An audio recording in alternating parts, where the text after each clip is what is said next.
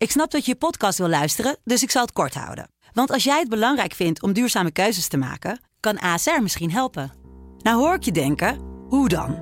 Nou, bijvoorbeeld bij het duurzaam herstellen van schade. Of de premies die we beleggen volgens ons duurzaam beleggingsbeleid. Dat bepaalt waar we wel en juist niet in investeren. Wil je meer weten over welke duurzame keuzes ASR maakt? Ga dan naar asr.nl slash duurzame keuzes. ASR doet het. Zo, dan kan je nu lekker naar je podcast luisteren. Ik ben Jaap Brine van de Sublime Ochtendshow. Achter iedere plaat zit een verhaal. En die verhalen vertel ik je in mijn serie Hit Story. Deze keer vertel ik je het verhaal achter When You Gonna Learn van Jamiroquai. Sublime Ochtendshow. Hit Story. Verhalen achter de muziek. Ik neem je mee terug naar Londen, begin jaren 90. J.K. is dan een jonge twintiger die natuurlijk de muziek is ingegaan. Natuurlijk, want zijn moeder, Karen Kay, was een redelijk beroemde jazzzangeres... die ooit een relatie had gehad met een gitarist. En daar kwam Jay uit voort. En zolang als Jay zich kon herinneren... sleepte zijn moeder hem al mee naar allerlei concerten. Liet ze hem van alles horen. En toen hij zelf muziek ging maken... liet hij zich inspireren door alles. Het was de tijd dat acid house populair was. Maar in Londen was eerst als een soort grapje een tegenbeweging ontstaan. Geen acid house, maar acid jazz. Niet met drumcomputers, maar met echte muzikanten. En geen house, maar een mengeling van funk, jazz, disco, soul, hip-hop. Precies wat Jay leuk vond. Hij voelde zich als een vis in het water in die wereld. Dus hij deed auditie als zanger bij een nieuwe band, The Brand New Heavies. Maar die vond het niks, die wezen hem af. En toen begon hij maar zijn eigen band. En die noemde hij Jamiroquai. Een samentrekking van Jam, jammen, samen muziek maken... en Iroquois, een groep van indianenstammen uit het noorden van Amerika. J.K. was nogal onder de indruk van de oorspronkelijke bewoners van Amerika en Canada... en vooral van hun spirituele band met de natuur... En hij werd een beetje treurig van het nieuws op televisie in die tijd... over olifanten die zomaar werden doodgeschoten... over de hebberigheid van grote bedrijven... over oorlog, over racisme. En al die zaken speelden in zijn hoofd terwijl hij nummers aan het schrijven was. Een van zijn eerste nummers was... Heb je het nieuws gehoord vandaag? Er zit geen vis meer in de zee, want hebberige mensen maken alles dood wat daarin zwemt. We moeten de wereld wakker schudden. Wanneer leren we eens dat het moet stoppen? Nog geen 40 minuten had hij nodig voor de basis van When You Gonna Learn, zoals hij het nummer noemde. De producer probeerde eerst nog wel de helft van de tekst weg te gooien. Veel te veel, joh. Dat klinkt niet zoals het op dit moment klinkt in de hitparade. Nee, Jay hield voet bij stuk. Dit was zijn verhaal, dit was zijn sound, zijn unieke geluid. En hij had ook wel een gek idee voor het intro van het nummer.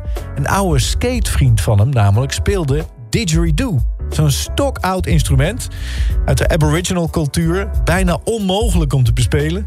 Nou, Jay vond dat wel toepasselijk voor zijn track. En Wallace, die vriend van hem, nou, die vond het ook wel leuk. Die wilde ook wel meedoen. Het stond allemaal haaks op wat populair was. Jay droeg rare kleren. Hij zong rare teksten. Zijn band gebruikte rare instrumenten.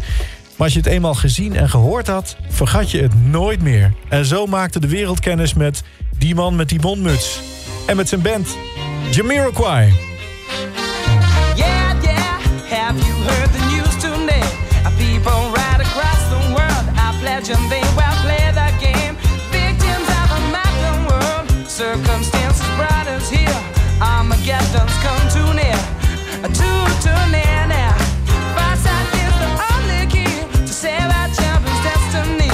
The consequences are